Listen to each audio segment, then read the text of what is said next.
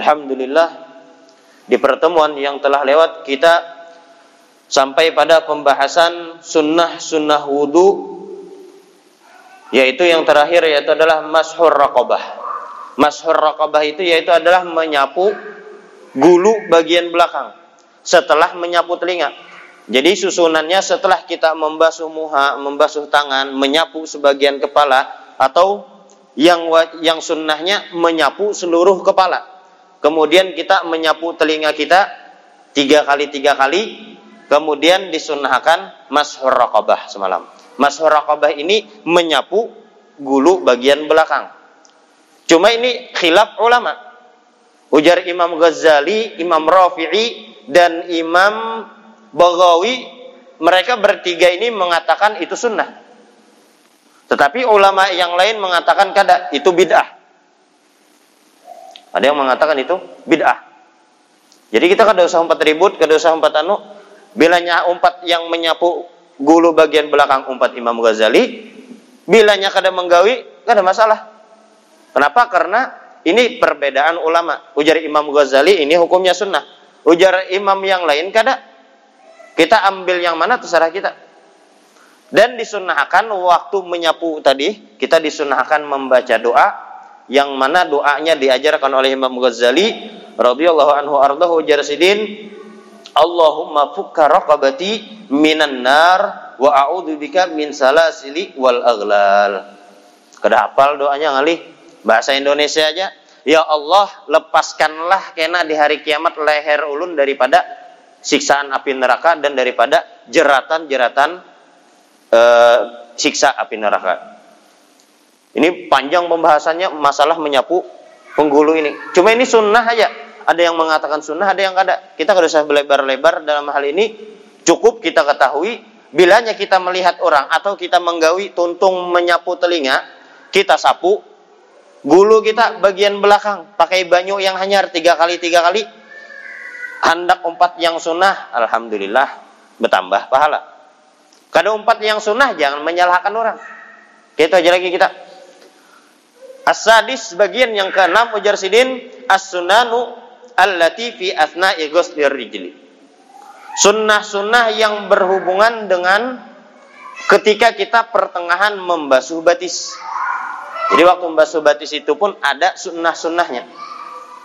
Yang pertama ayyabtadi'a minal asabi' bahwasanya ujar sidin dimulai kita membasuh batis itu dimulai dari asabi' dari jari-jari batis kita sama ada idza kana yasubul ma'a ala nafsihi Am, apabila ujar sidin inya membasuh batisnya tadi banyu tadi ala nafsihi inya seorang membasuhnya maka disunnahkan dari jari-jari kaki kita.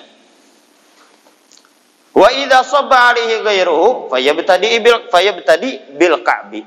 Dan apabila ujar sidin dimula dibasuhkan oleh orang. Misal orang itu garing. Orangnya garing. Bilanya hendak berwudu sidin diwuduakan.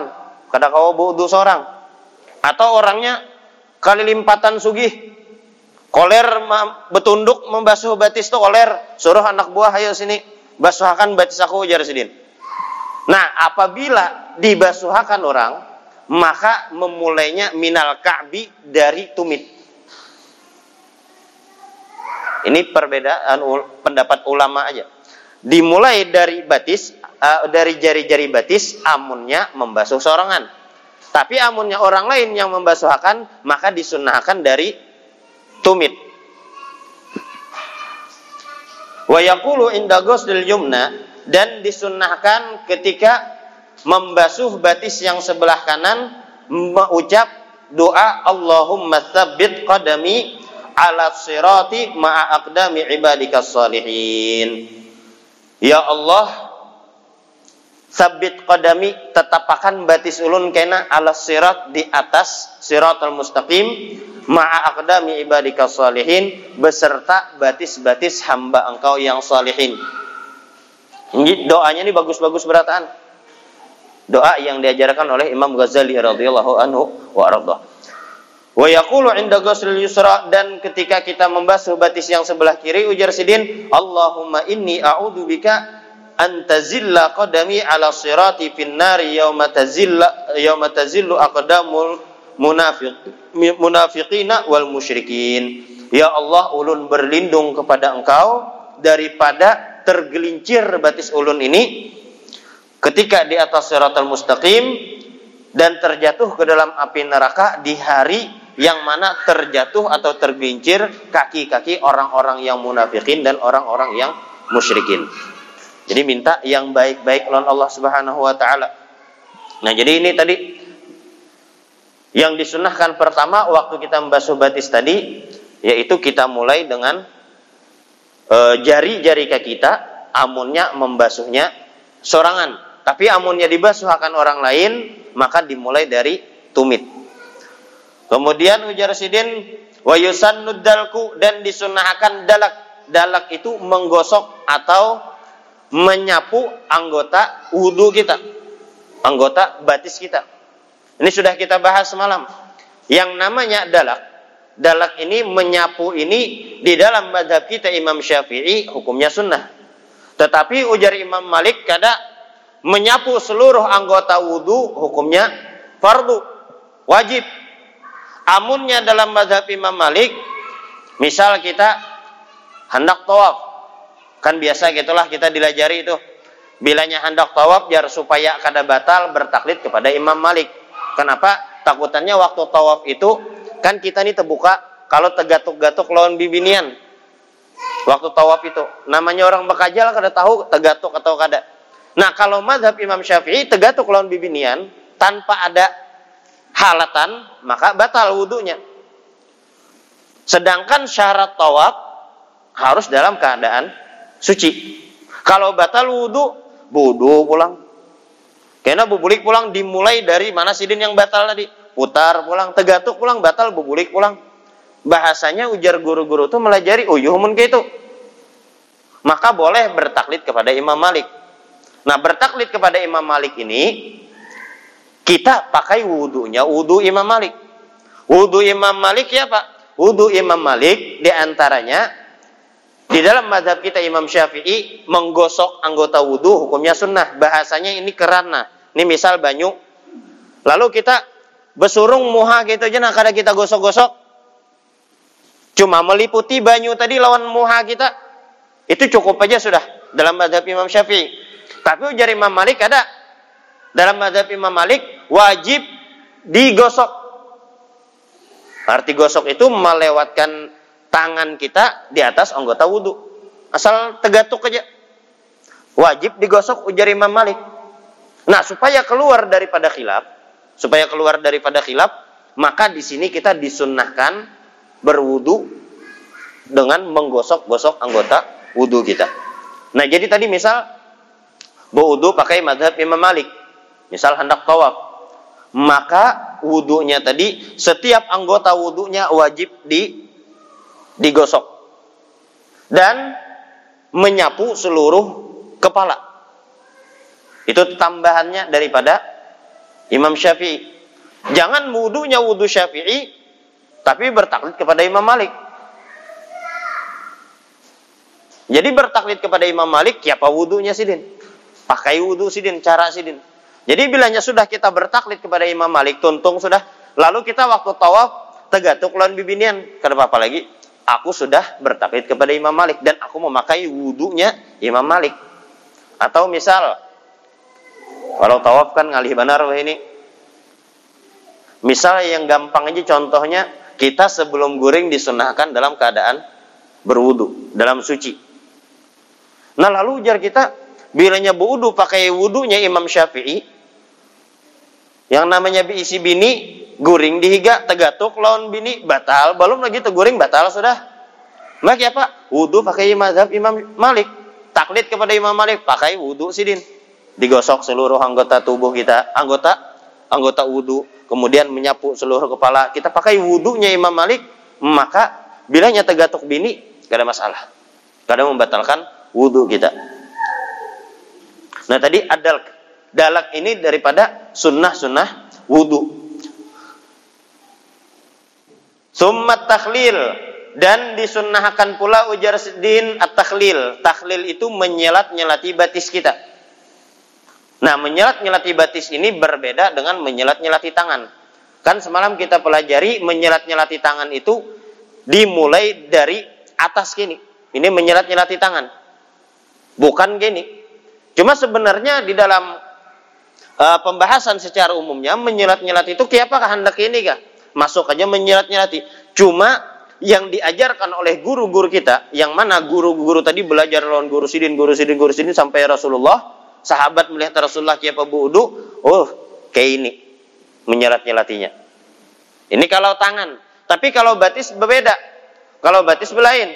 Kiapa menyelat-nyelati batis?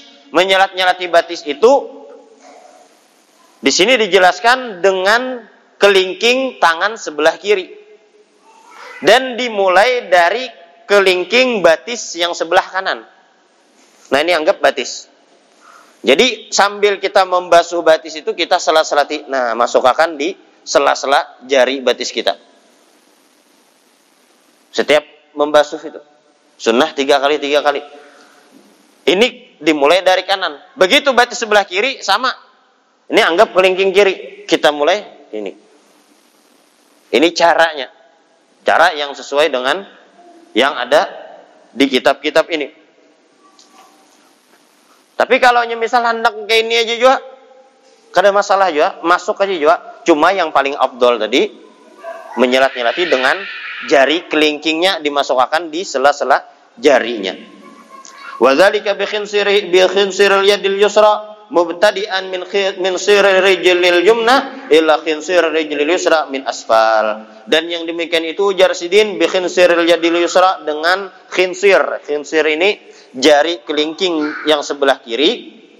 Mubtadi'an dimulai min khinsir rijlil yumna dari kelingking batis yang sebelah kanan ila khinsir rijlil yusra sampai ke kelingking batis yang sebelah kiri min asfal dari bawah menggosoknya. Wa yusannu tayammun dan disunahkan pulang ujar sidin di dalam basuh batis ini sama lawan basuh tangan. Yusannu tayammun disunahkan mendahulukan yang sebelah kanan. Kenapa? Karena Rasulullah sallallahu alaihi wasallam yuhibbut tayammun. Sidin ketujuh yang sebelah kanan. Apabila yang baik-baik disunahkan pakai yang sebelah kanan. Rasulullah ketujuh makan tangan kanan, minum tangan kanan, Pakai apa pun yang baik-baik, pakai sebelah tangan kanan. Memberi atau menerima, pakai sebelah sebelah kanan. Tapi kalau yang jelek-jelek, mengambil sampah sebelah kiri. Membersihkan apakah? Membersihkan istinja, pakai sebelah kiri. Kenapa tadi? Karena Rasulullah suka dengan yang sebelah kanan. Kayak itu juga berwudu. Berwudu baik itu membasuh tangan atau membasuh batis, maka disunahkan memulai dari sebelah kanan. Tapi seandainya ada orang berwudu, habisnya menyapu kepala, kadang menyapu telinga, kadang langsung membasuh batis sebelah kiri pulang dibasuh sidin dulu, anyar sebelah kanan, maka kita jangan ribut. Jangan oh pian kada sah wudu pian. Kenapa kada sah ujar sidin? Pian membasuh kiri berdahulu, orang kanan berdahulu. Nah kita yang menegur yang tersalah. Kenapa? Kamu ada ilmu kah Haji Sidin? Membasuh batis sebelah kanan itu sunnah, sebelah kiri eh sebelah kanan dulu yang yang e, disunahkan sebelah kanan terdahulu, hanya yang kiri. Tapi kalau yang membasuh yang kiri berdahulu hanya kanan, maka kada dapat pahala sunnah aja. Adapun sah kadanya wudhunya tetap sah. Cuma kada dapat pahala sunnah. Summa itolatu tahjil dan disunahkan juga ujar sidin memanjangkan tahjil, memanjangkan basuhan batis. Tahjil itu basuhan tangan lawan basuhan batis. Kalau basuhan tangan semalam sampai setengah ini apa setengah lengan lah, setengah lengan atau sampai ke katiak. Kalau hendak melebihkan. Nah, kalau batis ujar sidin ila nisfis saqi wal akmalu ila rukbatain sampai setengah landau bahasa Indonesia itu betis di tengah-tengah landau setengah landau Nah itu sampai situ batis kita. Adapun yang wajibnya semalam sampai mata kaki. Itu yang wajib. Tapi kalau kita labihi, maka di sini kita dapat pahala sunnah. Labihnya siapa? Setengah landau. Wal akmal dan yang paling sempurna ujar sidin ila rukbatai sampai ke lintuhut membasuhnya. Cuma membasuh yang sampai ke lintuhut ini jangan di hadapan orang. Kenapa? Karena lintuhut ini aurat. Bilanya kita buka supaya dapat pahala sunnah, menggawi sunnah hajar pian, lalu membasuh sampai ke lintuhut tempah atau buka. Lalu akhirnya yang wajib tertinggalakan, yang wajib menutup aurat, yang sunnah digawi. Jadi kita tempatkan sesuatu itu pada tempatnya. Yang wajib tetap wajib, yang sunnah setelah wajib. Kalau hendak menggawi sampai ke lintuhut, membasuhnya kada di hadapan orang atau di tempat yang tertutup. Kau pian hendak menyingkai sampai siapa kah? Kada kada kelihatan aurat kita. Tapi kalau sampai terbuka aurat, nah ini yang tersalah.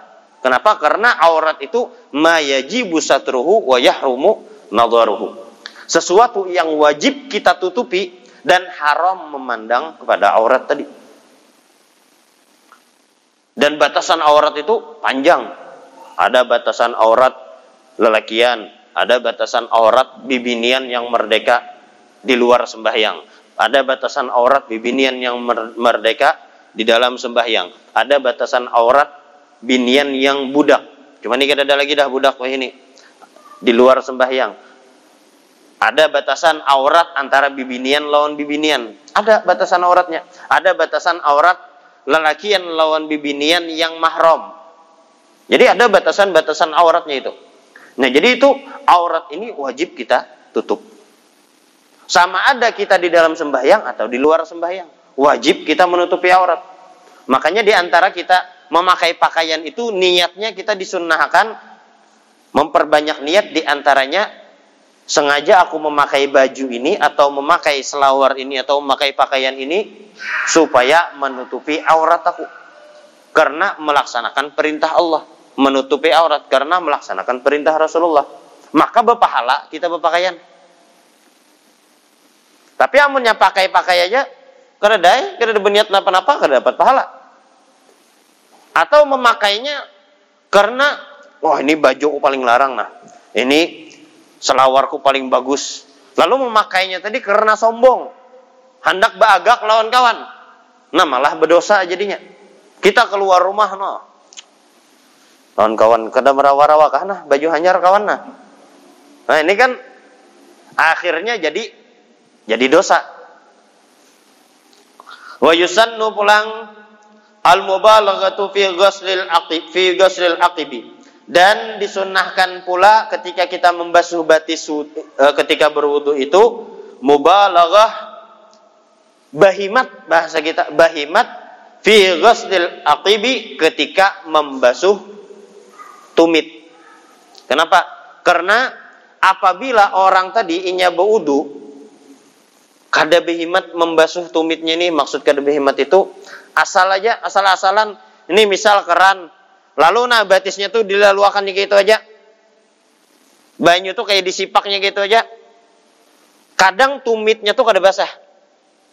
Atau bagian belakang sini nah kada basah. Bagian belakang tumitnya ini kada basah. Amunnya kada basah berarti basuhannya kada sempurna. Basuhannya kada sempurna wudhunya kada sah belum sempurna lalu inya sembahyang maka sembahyangnya percuma. Nah jadi disunahkan mubalaghah. Mubalaghah itu behimat kita menggusuknya bahasanya. Apalagi bilanya di batis kita tuh ada pecah-pecahan di tumit tuh. Kulitnya kering lalu pecah.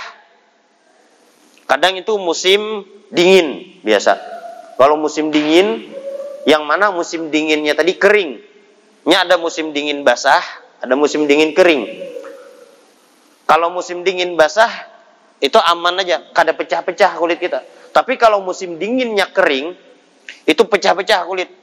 Bibir pecah, batis pecah, bahkan pakaian ini ada listriknya. Jadi bila pakai baju tuh kretek kretek kretek kretek. Ada listriknya. Kenapa? Karena akibat musim tadi. Nah, maka kita disunahkan menggosok tumit tadi. Bahimat bahasanya. Supaya apa? Supaya banyu tadi bujur-bujur masuk. Cuma jangan merasa wah batisku ini belah jar. Lalu dibuka batisnya lukanya jangan juga. Itu berlebihan. Kada ampih-ampih karena lukanya. Jadi cukup digosok-gosok. Wa yusannul mualatu baina mashi ra'si wa dan disunahkan pula ujar sidin mualah. Mualah itu terus-menerus. Yaitu semalam mualah itu bahwasanya kada karing basuhan yang sebelumnya basuhan yang pertama sebelum membasuh yang kedua. Habis menyapu kepala, kepala kita ini kada karing lagi, kita langsung membasuh batis. Amunnya sampai kering maka itu kali dinamakan mualah dan karingnya tadi pulang tergantung cuaca. Amun cuacanya panas. Misal anginnya panas lakas karing pakaian. Lakas karing yang basah daripada basuhan kita. Maka itu kada dihitung. Dianggap tetap mualah. Kenapa? Karena cuacanya kada mu'tadil. Tapi kalau cuacanya mu'tadil biasa-biasa aja Lalu Sidin bersantai-santai habis menyapu kepala, santai dulu misa perokok kan semalam. Hanyar basuh batis pulang. Maka ini kada dapat pahala sunnah, kada dapat pahala mualah terus menerus. Wa taslitsu fi dan disunahkan pula ujar Sidin tiga kali tiga kali pada yang demikian itu. Litaslisi ahkam dan bagi orang yang membasuh anggota wudhunya tiga kali tiga kali itu ada hukum-hukum tertentu. Berbeda-beda masing-masing. Yang pertama fataratan yusannu. Maka kadang-kadang ujar sidin membasuh tiga kali tiga kali tiga kali itu kadang-kadang hukumnya sunnah. Contohnya apa? Contoh kita waktu wudhu membasuh muha tiga kali, membasuh tangan tiga kali, menyapu kepala tiga kali, membasuh batis tiga kali. Itu sunnah dan itu asal. Hukum asalnya membasuh tiga kali tiga kali, hukumnya sunnah. Wataratan yukrah. Dan terkadang bisa makruh. Membasuh tiga kali tiga kali. Kenapa? Iza khosya fawatus salatil jamaah.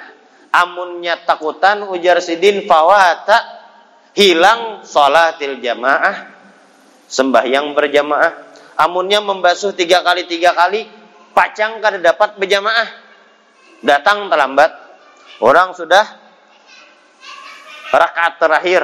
Lalu sidin mulai budu mulai budu ini ujar sidin bilanya aku tiga kali tiga kali sampat salam sudah orang nih.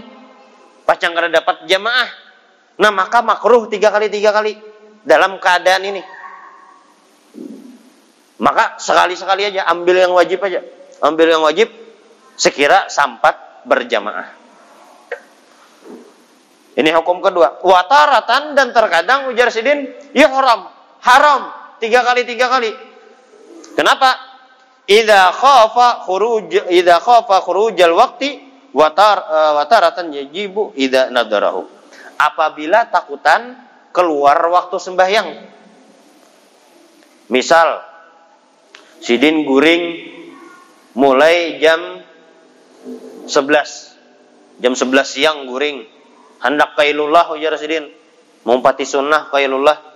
Sekalinya kebablasan guring sampai jam berapa asar ini? Jam 2 45 lah asar lah. Misal jam 2.40 terbangun. Astagfirullah ujar Sidin belum berzuhur lagi.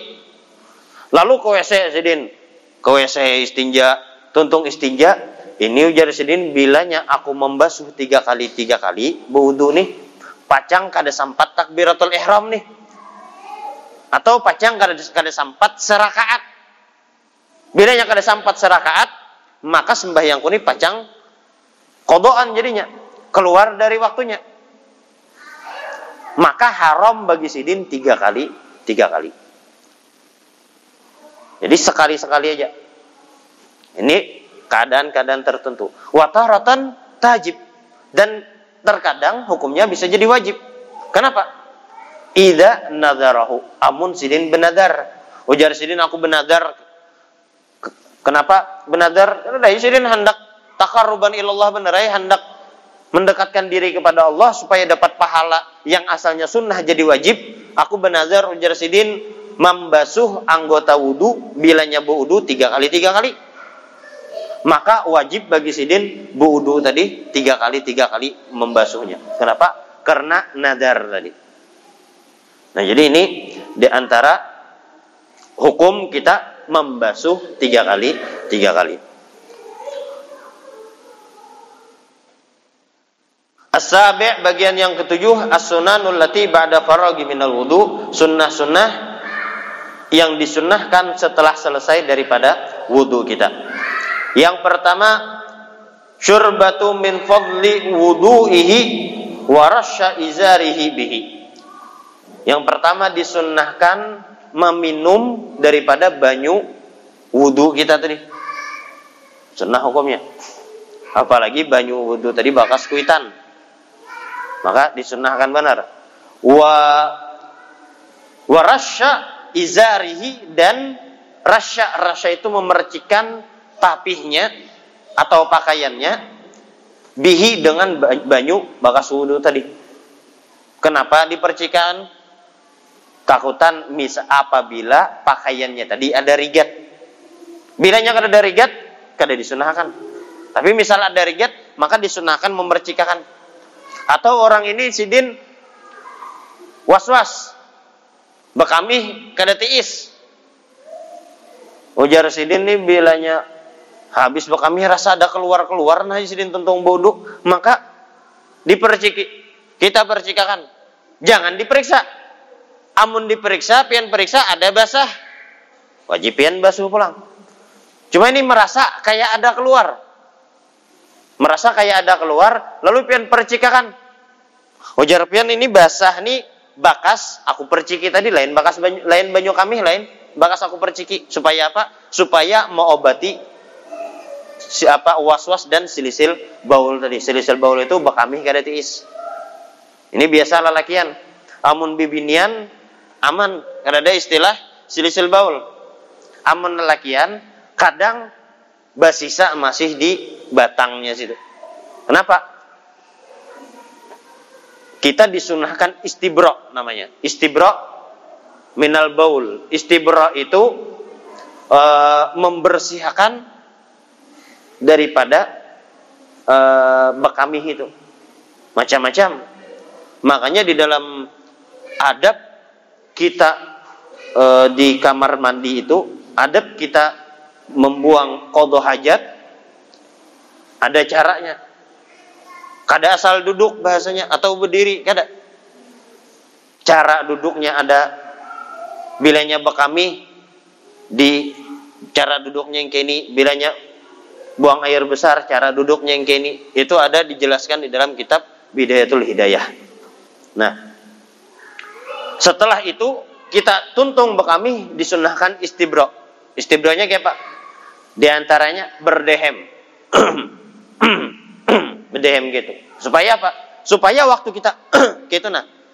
Kita berdehem itu parut itu ada menunjul dan mengeluarkan yang sisa-sisa di situnya tadi. Atau setelah gitu juga disunahkan kita mengurut bagian bawahnya dengan dengan lembut begambat aja mengurutnya. Sunnah hukumnya.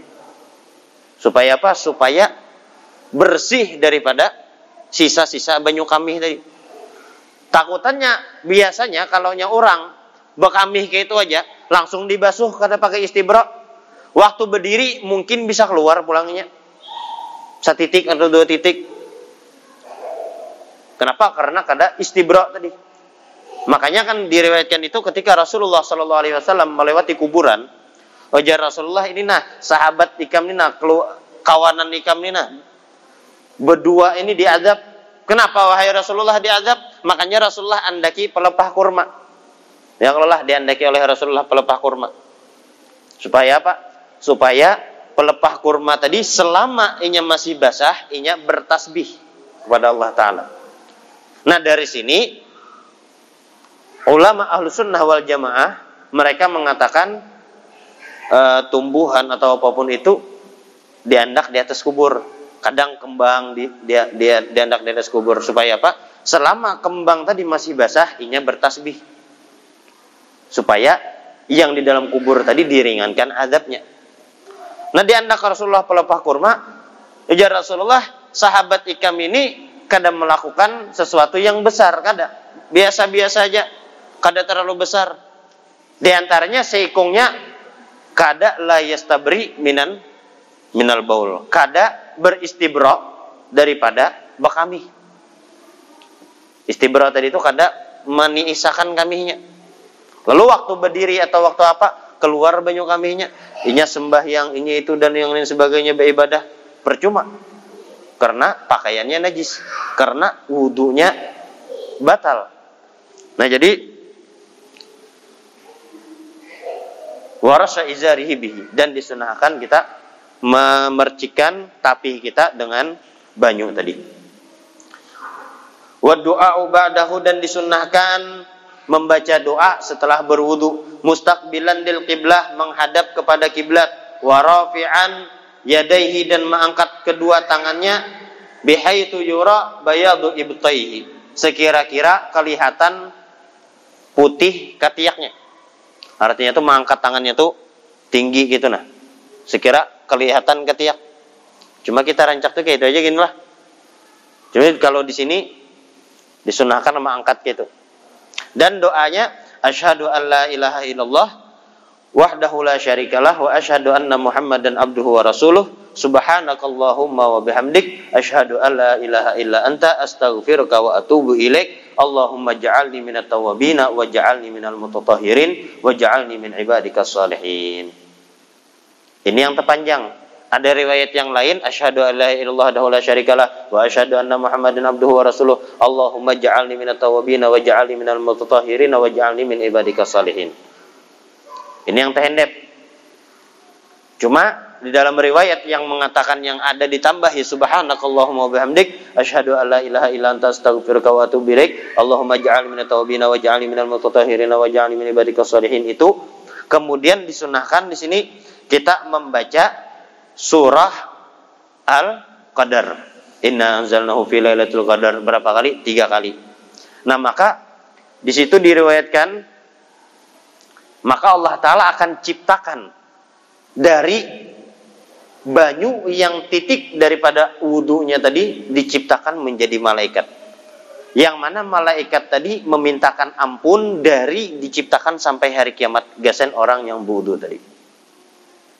Maganal faedahnya setiap wudhu baca doa, tuntung baca doa, baca inna anzalnahu fi lailatul qadar tiga kali sampai akhir surah. Bahkan ada yang mengatakan tambahi baca ayat kursi, ada yang mengatakan tambahi baca al-ikhlas, baca qul huwallahu ahad.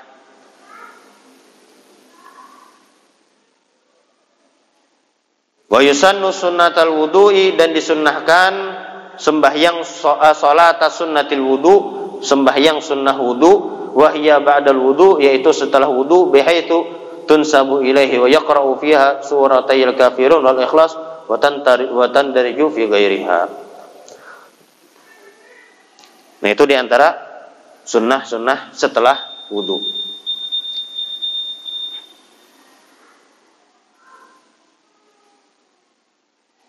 dan masih banyak lagi sunnah-sunnah wudhu di antaranya menghadap kiblat waktu berwudhu meninggal uh, dalam keadaan berduduk berwudhunya kemudian tarku naksilma nabdilma meninggalkan membuang-buang banyu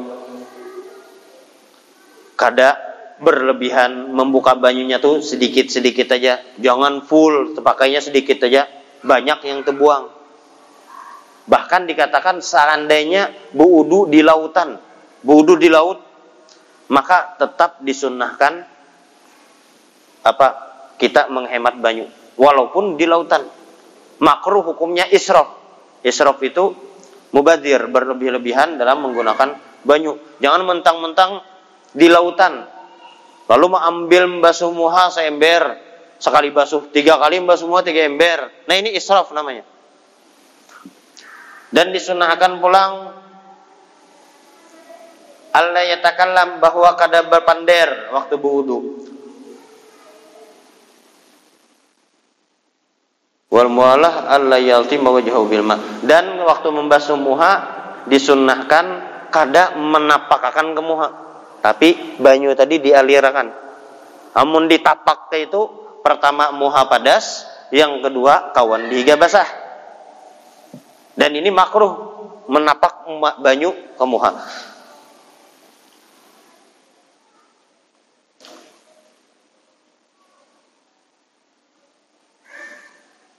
Tarku ziyadah ala thalath dan meninggalkan lebih dari tiga kali tiga kali atau kurang daripada tiga kali. Bila membasuh dua kali hukumnya makruh, membasuh empat kali hukumnya makruh.